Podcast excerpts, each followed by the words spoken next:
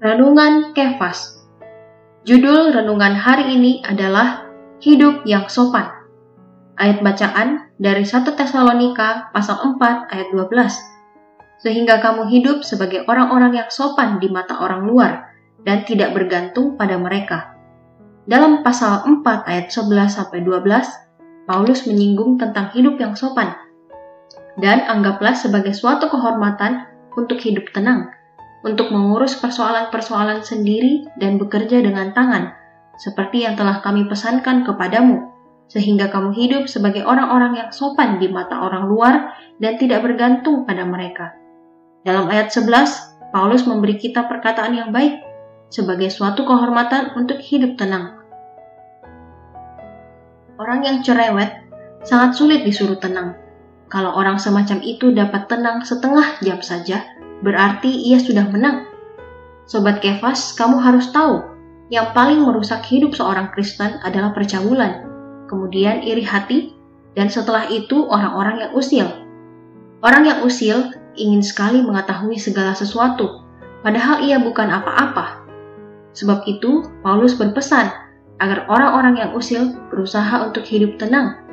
Ini berarti mereka perlu memiliki ambisi untuk menenangkan diri mereka.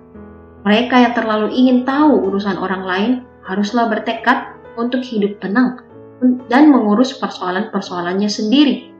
Tetapi mereka yang tidak pernah menaruh perhatian kepada orang lain dan yang meluangkan terlalu banyak waktu untuk urusannya sendiri harus didorong agar mencurahkan lebih banyak waktu untuk memperhatikan orang lain dengan tepat. Dalam ayat 12, Paulus berpesan agar kita hidup dengan sopan, tidak aneh-aneh atau eksentrik. Kita harus hidup dengan sopan di mata umum. Orang muda zaman sekarang suka yang aneh-aneh.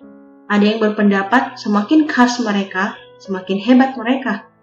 Mereka ingin menarik perhatian umum dengan gaya khas mereka. Namun, kita harus berperilaku secara normal, sopan, dan biasa. Terang hari ini, segala sesuatu yang menarik perhatian orang lain secara aneh itu tidaklah pantas. Kita perlu hidup dan berperilaku dengan sopan.